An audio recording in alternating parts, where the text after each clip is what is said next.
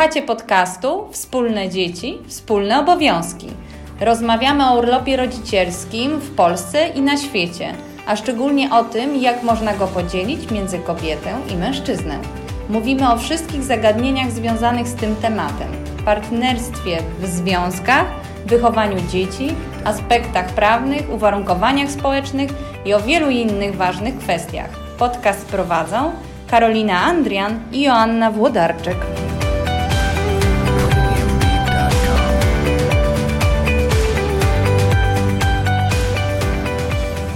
Witam serdecznie w kolejnym podcaście Wspólne dzieci, wspólne obowiązki. Tym razem moim gościem jest Wojciech Olszewski, mąż od 18 lat, a ojciec od 17 lat. Ojciec pięciu synów i jednej córeczki, która urodziła się w styczniu 2019. Witaj Wojtku, zgadza się? Cześć, cześć, cześć, tak, nie, 9 miesięcy temu, w połowie stycznia. Okej, okay. jesteś też również przedsiębiorcą. Od 7 lat prowadzisz firmę Plenergia i również prowadzisz blog o ojcostwie www.wojtekolszewski.pl, w którym mm, pomagasz e, głównie mężczyznom i o tym chciałabym się e, jakby skupić na tym wywiadzie. Zgadza się. Dobra. Na, na swojej stronie, na blogu piszesz, jak skutecznie łączyć ojcostwo z rozwojem osobistym i pracą zawodową. E, moje pytanie do Ciebie, z czym mężczyźni mają problem w tym obszarze? Dlaczego akurat y, chcesz pomagać mężczyznom? Co Cię skłoniło do takiego wyboru? E, wiesz co, generalnie mężczyźni nie mają problemów i to jest problem cały. Aha. To tak troszkę to będziemy jeszcze pewnie o tym w kolejnych pytaniach nie, o tym będziemy rozmawiać, ale generalnie mężczyźni nie mają problemów i to jest największy problem. I mm, Pierwszy taki zupełnie chyba banalny powód to jest taki, że łatwiej mi jest z mężczyznami rozmawiać. Mhm. E, z nimi mam najlepszy kontakt, też mam swoje, chciałem się dzielić swoimi doświadczeniami ojcowskimi. W związku z tym e, no, mam je ojcowskie i patrzę na rodzinę i e, na rolę ojca z punktu widzenia mężczyzny i ojca. Natomiast mhm. matki trudniej mi jest zrozumieć. Nie chcę jakby to wchodzić. Jest też, e, to też jest kwestia zawężenia e, grupy odbiorców, dlatego że myślę, że na rynku, jeżeli chodzi o rozwój e, osobisty i rozwój takich cech czy umiejętności matki bądź kobiety w rodzinie, mhm. można spotkać dużo, mhm. dużo informacji. Kobiety generalnie się tym interesują, łatwiej takie treści przyjmują, przyswajają, natomiast po stronie męskiej jest trudniej. Mhm. E, przede wszystkim z tego powodu, że odbiorca jest trudniejszy, e, no bo jeżeli patrzymy na blogi o ojcostwie, no to ich, ich jest niewiele. No, mhm. Jesteśmy w stanie tam wymienić dosłownie kilka. Natomiast jeżeli chodzi o na przykład matek, które się dzielą swoim doświadczeniem, jest dużo więcej. Mhm. Takie mam spostrzeżenie, że jeśli chodzi o taki naj, chyba naj, największy blog, blog Ojciec, to że odbiorcami głównie tego blogu są kobiety, a nie mężczyźni. Ja tak mam, jak patrzę kto komentuje, kto lajkuje, no to tam są głównie kobiety, mimo tego, że teoretycznie ten blog chyba, mm, założeniem tego bloku był, y, adresatami tego bloku byli mężczyźni. Mhm.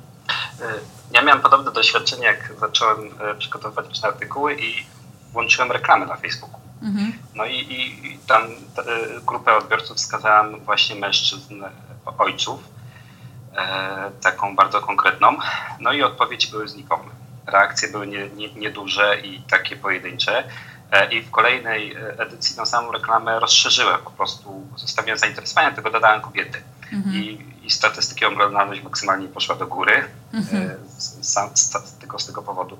Mężczyźni, ja widzę zresztą sam po sobie też trudniej się dzielą tym, co myślą, co wiedzą. Mhm. No i też jest taka właściwość męska, która sprawia, że generalnie mężczyzna wie, wie i, e, to jest mu potrzebne do, do takiej samodzielności.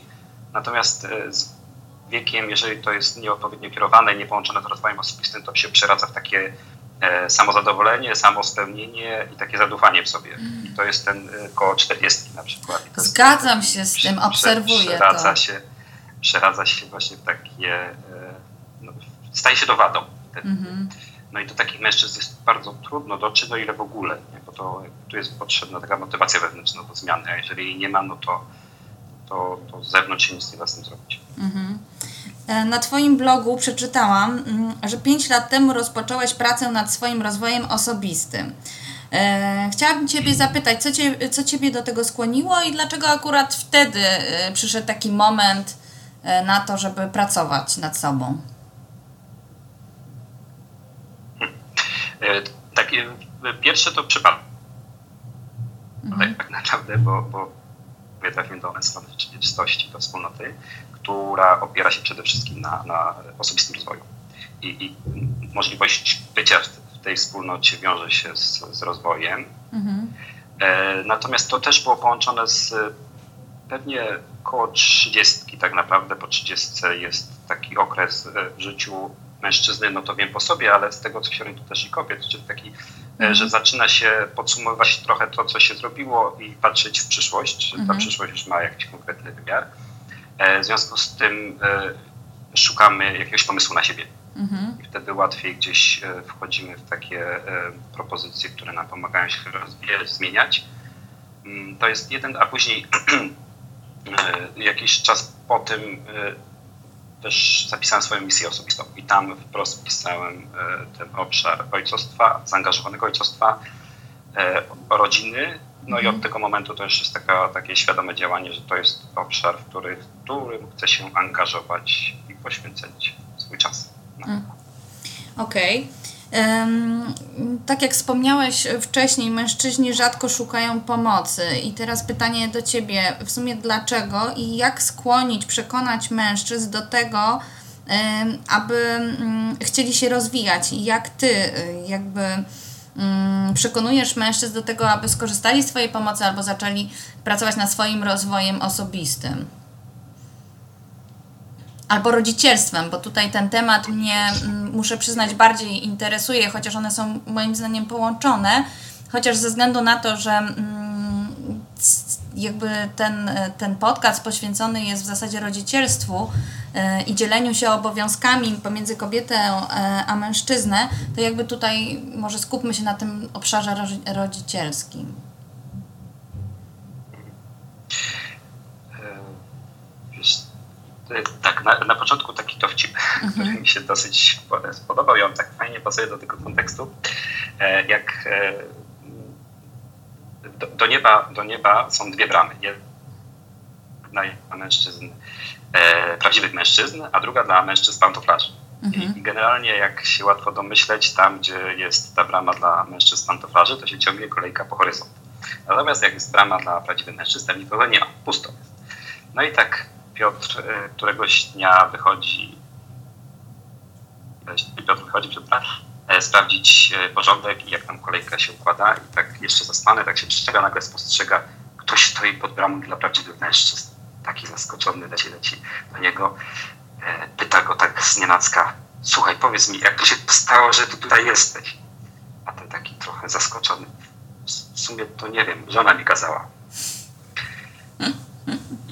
I teraz e, ten, ta żon, e, to, to jest po części jeden ze sposobów na, na docieranie do mężczyzn, czyli niestety, ale spora część mężczyzn zaczyna się angażować i dbać o rozwój i angażować w rodzicielstwo, e, mhm. dlatego że muszą na karę. Więc jakby mhm. to, co się dzieje na bloku, po blokojcie, to co, co powiedziałaś, mhm. że, że kobiety się tam pojawiają, no to też jest w pewien sposób dotarcie do mężczyzn. Mhm. Bo oni rzadko się są w stanie przyznać do tego, że to się nie wychodzi, e, że na przykład pracując od rana do wieczora i w swoim rozumieniu, będąc dobrym e, ojcem i mężczyzną, czyli dbając o tą stronę finansową, mhm. e, nagle się dowiadują, że żona jest nieszczęśliwa, bo na przykład, że z dziećmi się nie idzie dogadać. Nie? I mhm. nie są w stanie dojść, dlaczego tak się dzieje. Mhm. Dlatego, że mają pewien wzór ojcostwa wyniesiony z domu, czyli ojciec jest gdzieś na zewnątrz, mało się angażuje w to, co się dzieje w rodzinie, no i wtedy te relacje się zaczynają psuć, nie? tylko że nie jest w stanie dotrzeć i e, no po części y, dzieje się to właśnie przez matkę, która, która jest w stanie, czy tam przez żonę, która jest w stanie wskazać mężczyźnie kierunek, który powinien podążyć. Mhm. To jest jeden z powodów. Drugi, e, chyba już powoli wychodzę z, z takiego założenia, że przekonać. To znaczy, jeżeli mężczyzna nie chce się rozwijać i wychodzi z założenia, że jest w porządku, to nikt go do tego nie przekona. Mhm. I tego z zewnątrz się nie da zrobić. Po prostu być może potrzebuje czasu i się sparzyć na pewnych doświadczeniach, żeby zacząć szukać jakichś rozwiązań. Mhm. E, to jest to i, i ostatni takie moje doświadczenia, które miałem z prezentacji, po prezentacji e, męskiej strony rzeczywistości na rozpoczęcie tego roku mhm. formacyjnego mieliśmy spotkanie i tam było około 130 mężczyzn. Ja prowadziłem z, z Krzyżkiem, z e, też ojcem, prowadziliśmy prezentację o ojcostwie. Mhm. I mm, prezentacja zrobiła duże wrażenie. Po raz pierwszy po tym miałem sytuację taką, że kilku ojców podeszło do mnie i pytało o jakieś rady, chciał porozmawiać o tym, o ojcostwie, czyli mhm. mają jakieś problemy i chcieli się ze mną skonsultować. E, I zastanawiałem się, dlaczego tak się stało. Prawdopodobnie dlatego, że e, na prezentacji pokazałem ojcostwo takie, nie takie wyidealizowane, czyli ja jestem takim cudownym ojcem i ze wszystkim sobie radzę mhm. i nie ma żadnych problemów, tylko mam problemy, a moja siła się bierze z tego, że ja po każdym problemie się podnoszę i, i zmieniam i szukam mhm. rozwiązania. Mhm. Że każdy z nas, każdy z ojców ma trudności, z wieloma rzeczami sobie nie radzimy, mhm. ale nie sposobem jest udawanie, że jestem cudowny i wspaniały, tylko właśnie e, kontaktowanie się z innymi ojcami, którzy też mają podobne problemy i wtedy wspólnie jest to łatwiej mhm. E, zmieniać. Mhm. A osoby, z którymi pracujesz, którym pomagasz, to, to są częściej takie e, problemy związane z rodzicielstwem, czy bardziej e, najpierw trafiają do ciebie osoby, które mają problemy właśnie w relacjach takich damsko-męskich? Bo, bo ty wspomniałeś, że. Mm, że czasami e, że nie da się przekonać mężczyzny, chyba że będą jakieś takie no, kryzysy, tak? I tak sobie domniemam, że być może te kryzysy właśnie pojawiają się w obszarach, y, w obszarze właśnie małżeństwa, czy tam relacji damsko-męskiej i zaczyna się myśleć o tym, no i, i, i zaczyna się to trochę rozlewać na inne sfery życia. Czy to tak jest, że na przykład wychodzi się od tych problemów damsko-męskich, czy tam w małżeństwie, a czy, czy bardziej się do Ciebie zgłaszają osoby, które mają problemy właśnie z, y, w relacji ze swoimi dziećmi na przykład?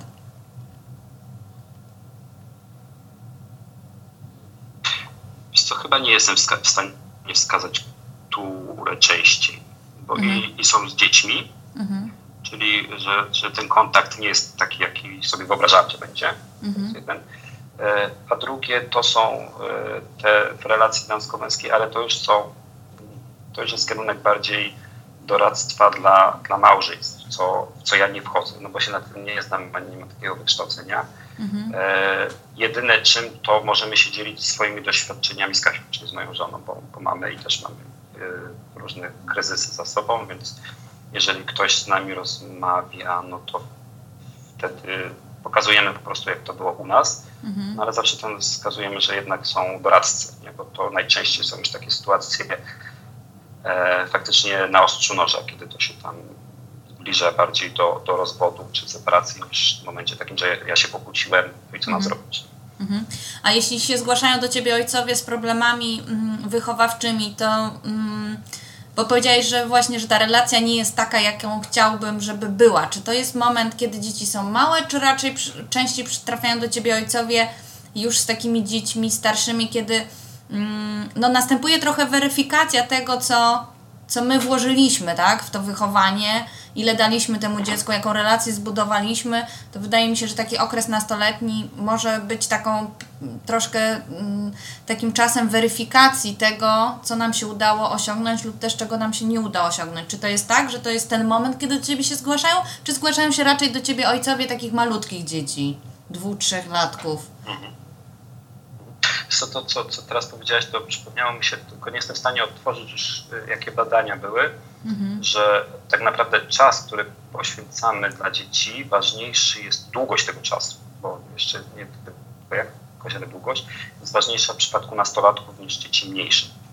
Mhm. że nastolatki potrzebują właśnie tego najdłuższego czasu, a to jest okres, w którym najczęściej już dochodzimy do wniosku, że dzieci sobie radzą same, więc one już naszego czasu tak dużo nie potrzebują. Mhm. To jest, jakby odpowiadając na Twoje pytanie wprost już, mhm. częściej z małymi dziećmi, bo wtedy jeszcze się angażujemy, jeszcze widać te, te, te zależności. Mhm. Natomiast w przypadku nastolatków jest bardzo trudny. Ja to zresztą widzę sam po sobie, mhm. że e, w przypadku dwóch najstarszych, czyli Mateusz już prawie 18 lat, w przyszłym będzie roku miał 18 lat, mhm. Janek jest e, troszkę młodszy, ale z nimi, no, żeby zadbać o ten kontakt, to ja już potrzebuję sporego wysiłku. To mhm. jest takie planowanie i szukanie, niż tak jak w przypadku małych dzieci, które no, zawsze gdzieś są pod ręką, one się nam tam gdzieś kręcą, coś potrzebują od nas i wtedy to łatwiej jest się mhm. zaangażować czasowo w, mhm. tą relację. Mhm, dokładnie.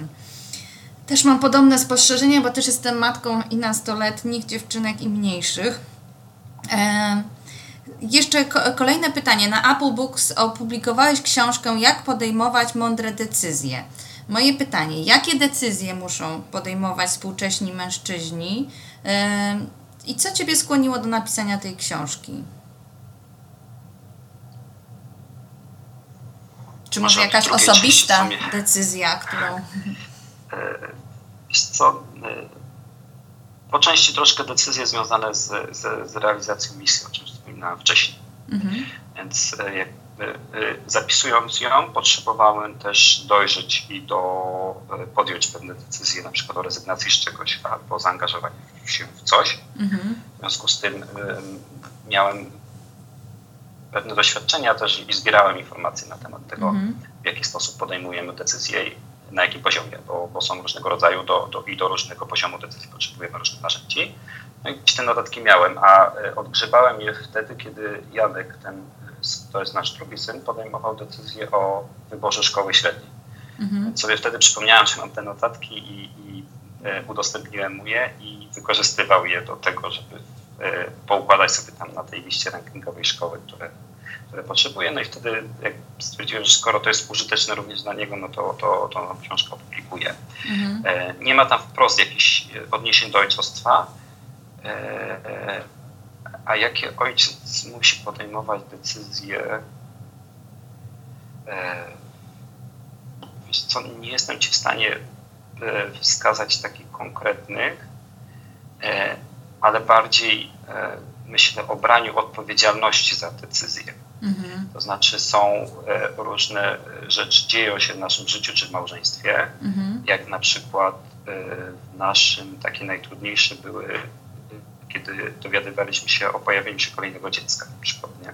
Mhm. I teraz e, no, szóstka dzieci to już nie jest typowa rzecz, to już od trójki jest nietypowa sytuacja. Tak. E, I mieliśmy kilka różnych rzeczy, choćby nawet takie najprostsze, jak sobie poradzimy finansowo, e, co ludzie powiedzą, bo to jeszcze szczególnie w takim mniejszym środowisku małomiasteczkowym, w jakim mieszkamy, no to ten kontakt, taką informację zwrotną mamy, mhm. jak to powiedzieć rodzicom po raz kolejny, i teraz łatwiej to jest udźwignąć mężczyźni, więc to bardziej o to chodzi. Czyli do, dociąganie tych decyzji, które gdzieś tam po drodze się pojawiają, dociąganie ich do końca, e, decydowanie z Zuzią mieliśmy sporo trudności, jak się urodziła, bo zachorowała bardzo szybko się zaraziła grypą, chłopaku trafiła do szpitala i później czterokrotnie chyba w ciągu czterech miesięcy trafiła do szpitala. Mhm tu były też takie decyzje, o jak wzywać pogotowie, czy jechać sam, samodzielnie, mhm. czy e,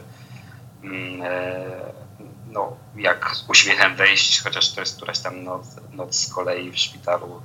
E, e, Kasia była z Zuzią, wejść z uśmiechem i powiedzieć, że wszystko będzie dobrze, że sobie poradzimy.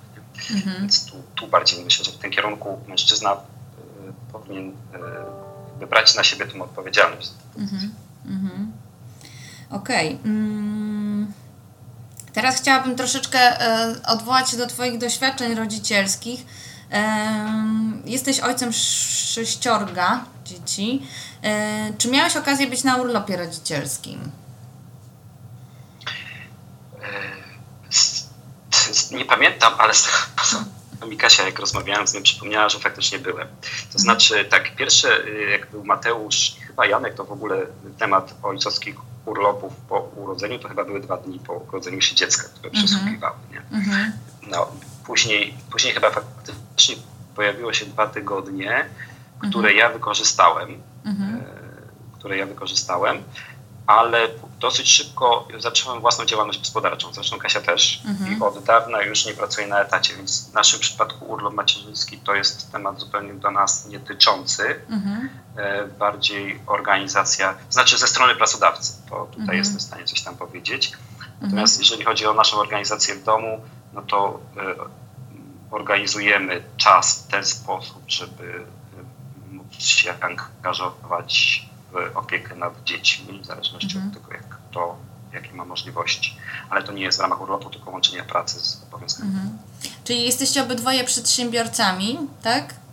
E, tak. I, i, tą, e, i, i to e, dzielenie się tymi obowiązkami rozumiem, że rozkładacie między sobą jakoś w miarę równo, czy to jest tak, że częściej jakby twoja żona jest od, odpowiedzialna za, za opiekę nad dziećmi, czy w związku z tym, że jesteście obydwoje macie własne firmy, no to no ja też mam własną firmę, wiem jak wygląda prowadzenie firmy. No generalnie, żeby firma działała, trzeba w niej pracować trochę. To nie jest tak, że jak się ma własną firmę, to ma się dużo czasu. Wiadomo, więcej elastyczności ma się może, ale na pewno tego, tej pracy jest tak samo dużo. Jak to u Was y, wygląda? Wiesz co, no tak jak na przykład dzisiaj, dzisiejsza noc i poranek, no to Kasia praktycznie cały czas jest z Zuzią od wieczora. Mhm. Bo Zuzia ma tą właściwość, że jest nieodkładalna i absolutnie nie, da, nie jestem w stanie ją wziąć na ręce. Mhm. W przypadku starszych chłopaków to się udawało, że na przykład usypiałem, natomiast Zuzia absolutnie nie ma żadnych negocjacji.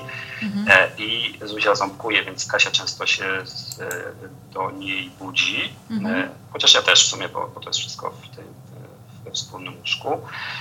O 5.30 ja wstaję, odwożę dwóch najstarszych chłopaków na autobus, bo jadą do Krakowa, mhm. do szkoły. E, pracuję tak do tej szóstej siadam, pracuję do siódmej i od siódmej szykuję pozostałych trzech chłopaków do szkoły do przedszkola. Kasia wstaje jak się wyśpi, czyli gdzieś tak koło w pół do ósmej, przed ósmą i trochę mi pomaga wypchnąć całą zgraję na zewnątrz. Ale są takie sytuacje, że to na przykład ty opiekujesz się, jesteś sam w domu, opiekujesz się dziećmi, Kasia wychodzi do pracy, czy tam załatwia jakieś swoje zawodowe obowiązki. E, aha, bo jeszcze druga rzecz, e, kończąc tam mhm. tą odpowiedź. Kasia w tym momencie ma zawieszoną działalność. Aha, teraz Więc na czas y, opieki nad Zuzią. Nie pracuje tak już bezpośrednio. Mhm. Mhm. Tak, bo tu jest też taka sytuacja, że Kasia ubiegała się o urlop macierzyński mhm. i zgodnie z ostatnio obowiązującą tendencją i polityką urlopu nie dostała. Mhm. Zasiłku macierzyńskiego nie dostała E, w związku z tym zawiesiła, dlatego że ona nie prowadzi działalności takiej skali, żeby faktycznie no i opieka nad dzieckiem nie umożliwia jej tego, żeby zarobić po prostu na taką e, mhm. przeprowadzeniu pełnej działalności. Na urlopie macierzyńskim jest to korzystniejsze, dlatego że wtedy jest pod opłaty składka zdrowotna i mhm. można łączyć pracę z, z, opieką nad dzieckiem. E, takiej sytuacji nie jest w stanie. Mhm. Co do tej drugiej części, czyli sytuacji, tak, są takie, to jeżeli chodzi na przykład o wyjazdy do lekarzy, no to ja organizuję sobie w ten sposób pracę, ja mam głównie zdalną. Mhm. Jestem w stanie pra pracować w każdym miejscu, byleby miał dostęp do internetu, więc mhm. Y, jestem, na przykład wyjeżdżam z dziećmi do lekarza, jak są chore. Mhm. Y, z Zuzią na razie nie jeszcze, no bo ona tam potrzebuje, żeby była mama cały czas z nią. Więc jak Kasia wtedy zostaje z Zuzią, ja jadę z pozostałymi do lekarza. E, no i teraz o te wyjścia to znaczy sama na pewno nie wychodzi, bo jeszcze nam się nie udało, żeby mogła wyjść tak, żeby zostawić Zuzię. Pracujemy nad tym mhm. A zanim pojawiła się Zuzia... samodzielnego jedzenia. A zanim no. pojawiła się Zuzia, jak... Bo... A zanim się pojawiła Zuzia, tak. Tak, tak, tak, tak, tak. tak. Bo to, co nam się udało z Michałem, to w momencie, kiedy go Kasia odstawiła od piersi, no to wyjechała pierwszy raz na przykład na na trzy dni, na cały weekend wyjechała mm, e, do koleżanek. Mhm. To w ten sposób zorganizowaliśmy. Ja wtedy pierwszy raz zostałem z Michałem sam, no i udało się, nawet udało mi się go odstawić wtedy od Smoczka. Więc jakby ten scenariusz chcemy powtórzyć przy Zuzi, w momencie, kiedy ona będzie w stanie zostać dłuższy czas bez Kasi, no to chciałbym i zależy mi na tym, żeby gdzieś tam wyjechała. Na razie wyjeżdża jeszcze z Zuzią, czyli e, na spotkania, jeździ teraz. Do kina, chce jechać, chyba gdzieś do Warszawy ma jechać na spotkanie tam koleżanek z forum swojego.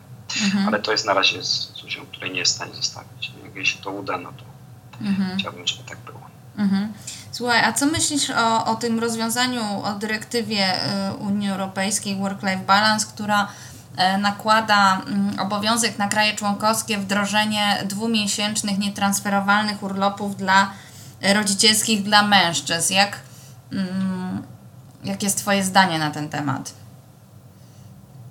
W ogóle co myślisz o takiej idei dzielenia się urlopami rodzicielskimi, mm, gdzie y, część tego urlopu, no, połowę na przykład bierze kobieta, a połowę bierze mężczyzna, a kobieta wraca do pracy.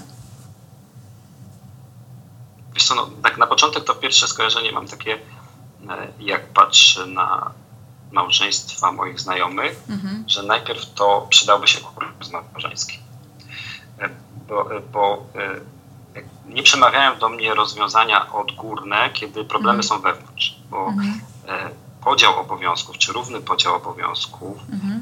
E, czy to, jak się twoje małżonkowie czują w swoich rolach, mhm. jest wynikiem tego, jak ze sobą się kontaktują i ze sobą rozmawiają, jakie tworzą małżeństwo, jakie tworzą związek. Mhm. No teraz y, jestem sobie w stanie wyobrazić sytuację taką, że, że kobieta jest na przykład na rok, rok y, opiekuje się dziećmi przez rok, mąż pracuje, tylko, że to nie działa na zasadzie takiej, że tak było i tak zawsze będzie, tylko jeżeli oni się z tobą, ze sobą w takiej relacji dogadują i czują się dobrze i w tych rolach się czują dobrze, no to wtedy y, może być, może być i też taka sytuacja. E, więc to jest takie moje pierwsze zastrzeżenie, ale to nie jest polityczne, bo wiem, że to w ten mhm. sposób się tego nie da rozwiązać. E, druga rzecz jest możliwości. Oczywiście, bo tak jak mówiłem, gdy rodzili się moi pierwsi chłopcy, a ja pracowałem na etacie, mhm. to wyboru nie miałem poza zwykłym urlopem wypoczynkowym. Nie mhm. miałem możliwości takiej, żeby zostać dzieckiem. Więc te możliwości.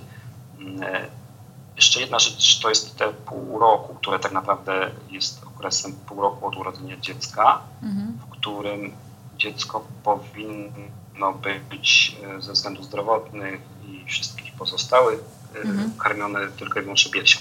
Mhm.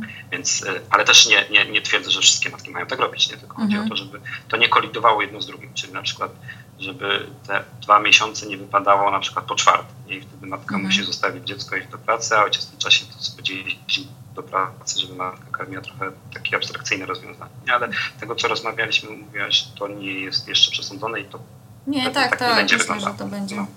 Mhm. A jak uważasz? Co, faj... Znaczy, no, no. generalnie możliwości tak, bo jakby zawsze, zawsze fajnie by było, gdyby te możliwości były, natomiast nie przymusowe w sensie takim, żeby każdy musi siedzieć na tym urlopie. Mhm. E, no bo tak jak mówiłem, że to wiele zależy od tego, jakie małżeństwa, bo są też tradycyjne małżeństwa, w których osoby się dobrze czują i, i nie ma potrzeby ich do niczego zmuszać. Pod warunkiem, że faktycznie to jest dogadane między nimi. Mhm. Tak. No, jakby ta dyrektywa mm, to, to z jednej strony daje prawo mężczyźnie do bycia na urlopie rodzicielskim, ale z drugiej strony oczywiście jest to podyktowane e, pewną równością płci i e, tego, w jaki sposób kobieta jest postrzegana na rynku pracy, tak? Że w momencie, kiedy ten urlop rodzicielski jest jak najbardziej e, dzielony pół na pół, to wtedy jakby pozycja na rynku pracy kobiety i mężczyzny no ma szansę się wyrównać, tak? W obecnej sytuacji, kiedy kobiety nie ma rok, a mężczyzna jest zawsze w zasadzie, to mm, no, trudno jest e, mówić o, o równym traktowaniu przez pracodawców bo mm, mimo wszystko ten, ta dostępność kobiety y, jest dużo mniejsza, no i też y, sam urlop rodzicielski to jedno, ale potem wiadomo, przychodzi przedszkole, żłobek, choroby i tak dalej. No i te obowiązki no w dużej większej mierze są, y, tymi obowiązkami w dużej większej mierze po, obciążone są kobiety, co niestety rzutuje na ich ścieżkę zawodową, bo tutaj mm, no bez dwóch zdań, no, dzieci mają wpływ na to, jak kształtuje się kariera zawodowa kobiet i jak kształtuje się ich wynagrodzenie, tak? Dlatego też myślę. Mm. No ja się tutaj zgadzam jak najbardziej, bo, bo też słuchałem te podcasty mhm. wcześniejsze, które publikowałaś, mhm. jak najbardziej to do mnie przemawia. To, o czym ty mówisz, i ta, ta nierówność, która się przykłada. Mhm.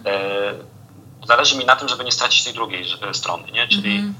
Jakby wszystko da się rozwiązać, praktycznie wszystko da się rozwiązać w małżeństwie. Mhm. Kiedy, kiedy małżonkowie się między sobą dogadują, e, a jeżeli tego nie robią, to żadne przepisy im w tym nie pomogą. Mhm. E, I no, ja jestem przykładem i mam wielu e, wśród znajomych, którzy są w stanie to zrobić, dzielą się obowiązkami, mhm. rezygnują na jakiś czas z pracy, więc no, generalnie da się zrobić. No nie każdą sytuację, do każdej sytuacji się da porównać i naciągnąć, wiadomo, no tak, to, tak. to, no, ale no, jeżeli jest ta chęć, to wiele problemów takich, o których ty mówisz, można wspólnie dogadać między sobą. A słuchaj, w swojej pracy z mężczyznami e, nad rozwojem osobistym poruszacie temat partnerstwa w małżeństwie.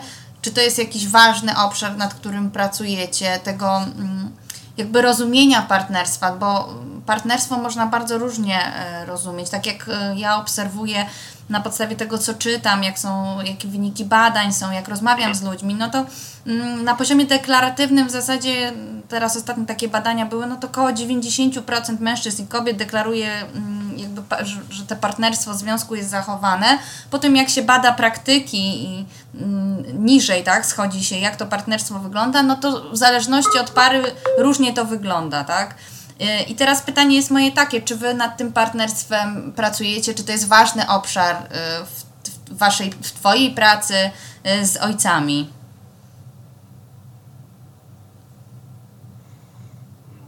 Tak, to znaczy tak w skrócie, no, to jest jed, chyba jedno z najważniejszych, nie chyba jedno, tylko najważniejszy obszar, czyli partnerstwo i to, jakim jestem mężem, jak buduję relacje w małżeństwie, to jest e, jeden z najważniejszych obszarów, w których e, mężczyzna się rozwija. Nie ma, tego się nie da rozdzielić. Nie? Mhm. E, też oczywiście są jakieś tam skrajne, ktoś nie jest w małżeństwie i tak dalej. Mhm. Ale to tutaj nie o tym rozmawiamy. Mm, rozwój małżeństwa i, po, małżeństwa i poczucie męskości jest związane z tym, w jaki sposób buduje małżeństwo i w jaki sposób spełnia się w małżeństwie. Mhm. To jest, to jest nierozdzielalne, nierozerwalne. Mhm. Ostatnio bardzo mi się spodobało takie porównanie ekstremalne, jest taka książka Ekstremalne Przywództwo. Mhm. Ona dotyczy oczywiście zarządzania organizacjami, ale um, tam jest coś takiego jak zawłaszczenie odpowiedzialności. Mhm. Mężczyźni bardzo lubią, i to jest takie męskie, czuć e, się odpowiedzialnym za rodzinę. Mhm. Czyli jestem głową rodziny, jestem przewodnikiem stada. Tylko, że y, właśnie po drugiej stronie jest to zawłaszczenie odpowiedzialności, czyli jeżeli ja jestem odpowiedzialny za rodzinę, to jestem odpowiedzialny za wszystko. I teraz jeżeli na przykład moja żona y, y, opiekując się dziećmi czuje się nieszczęśliwa, to mhm. ja jestem za to odpowiedzialny jako mąż. Czyli zadaję sobie pytanie, co mogę zrobić, żeby to zmienić. Mhm. Czy to nie jest tylko i wyłącznie błyszczenie i, i pokazywanie się na zewnątrz, mhm. ale to jest tak naprawdę dbanie o każdego w tej organizacji, którą jest, jest rodzina. Mhm, mhm. Ciekawe. A czy to partnerstwo, jak jest jeszcze rozumiane, w ty, jak wy w tej swojej pracy rozumiecie to partnerstwo między kobietą a mężczyzną? Bo na przykład y, ja mogę powiedzieć, że dla mnie odpowiedzialność za rodzinę y, wcale nie uważam, że ona powinna być przypisana do mężczyzny. Wydaje mi się, że w dzisiejszych czasach warto tą odpowiedzialność za rodzinę E, rozkładać między kobietę a mężczyznę również tą część finansową, e, ta odpowiedzialność za szczęście e, w rodzinie mojej i mojego małżonka, mm, że, że, że ta odpowiedzialność, bo kobiety z kolei lubią tak też, kiedy ta odpowiedzialność jest przerzucona na, na mężczyznę, szczególnie za finansowy obszar e, funkcjonowania rodziny, z czym muszę przyznać, ja nie do końca się zgadzam. Uważam, że ta, e, ta odpowiedzialność powinna być rozłożona. To jest ogromny, ogromne obciążenie i nie do końca uważam, że ona powinna być niesiona przez mężczyznę tylko i wyłącznie,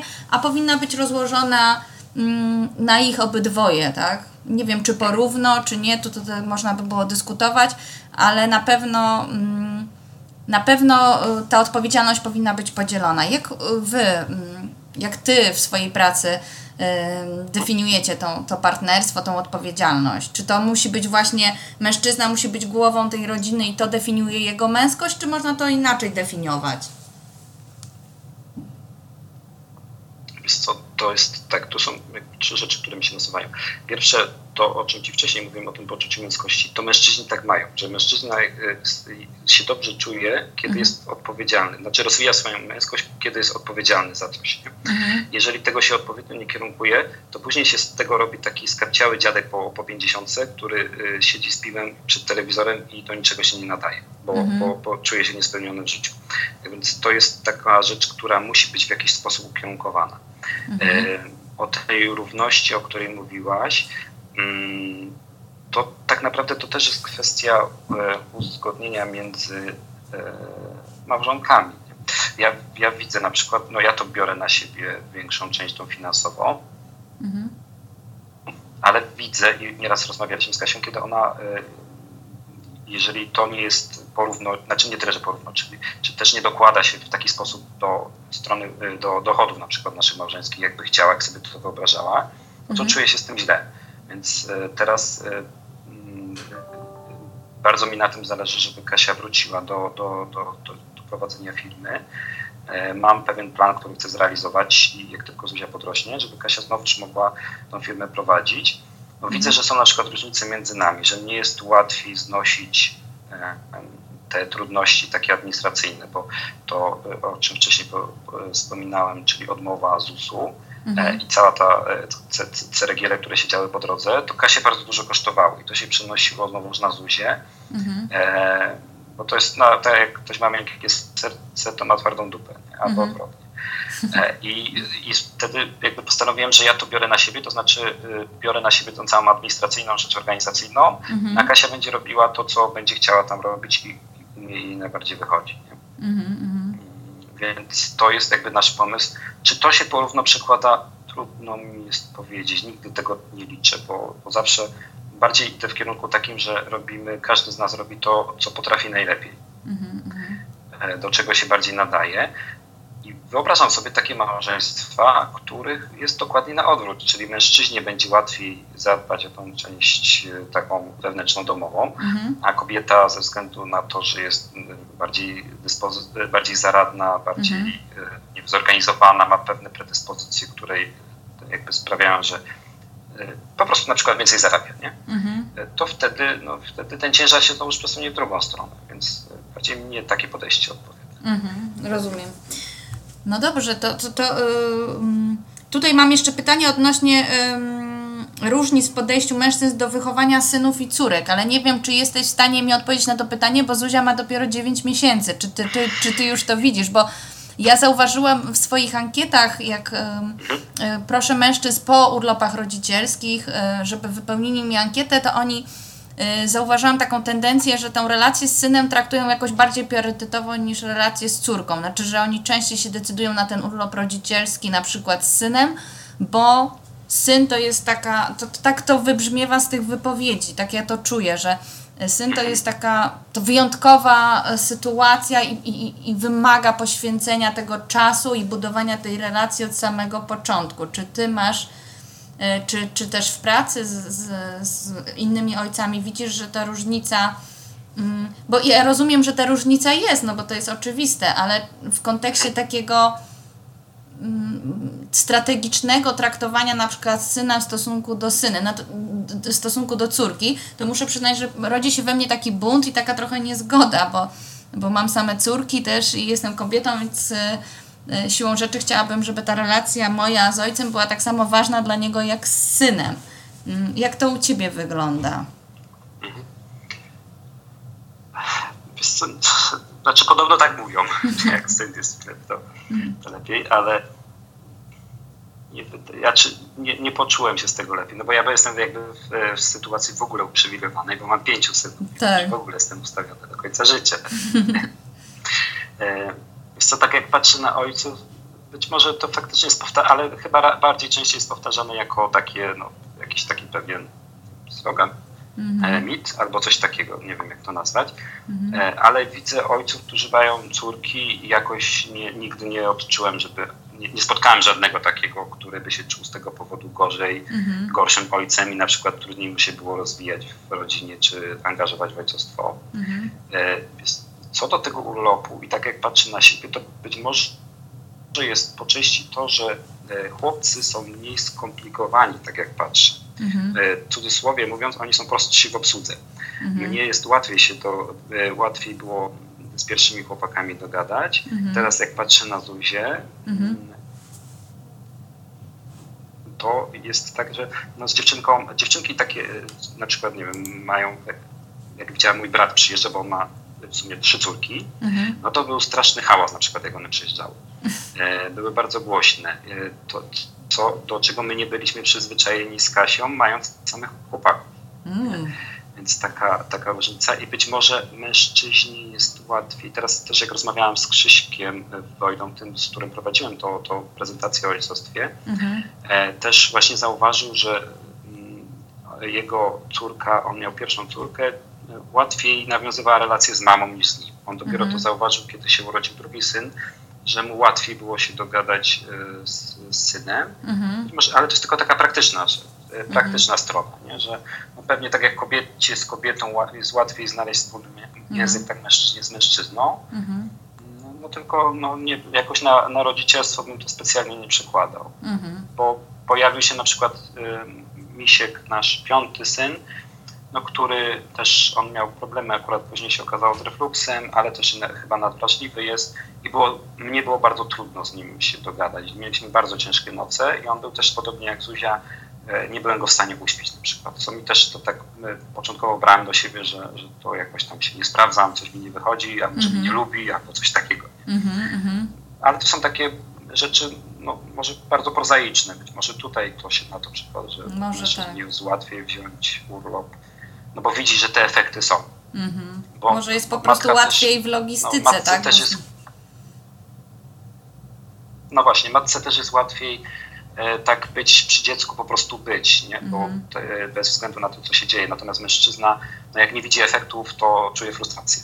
Mm. A i tak jak, jak widzi, że tu się stara, to cały czas ryczy i nie wiadomo jak to podejść, bo i tak dalej ryczy, no to wtedy mm. od razu się tam coś gotuje w środku. Nie? Mm. No to, ale to też, no, też nie, jakby też od płci nie zależy, bo tak jak mówiłem, e, po dwójce dzieci wydawało mi się, że wiem wszystko na temat ojcostwa, mm-hmm. natomiast teraz po szóstce wiem, że prawie nic nie wiem. Mm-hmm. No tak. Więc y, też bardzo dużo rzeczy, takich jest cech indywidualnych dzieci, że one się bardzo między sobą różnią mm-hmm. i trudno mi jest w dalszym ciągu stwierdzić, czy pewne zachowania wynikają z tego, że to jest chłopak lub dziewczyna, czy po prostu tak ten egzemplarz akurat ma. Egzemplarz ma. No dobrze, bardzo Ci dziękuję. To było moje ostatnie pytanie. Dziękuję bardzo za, za czas i za wywiad.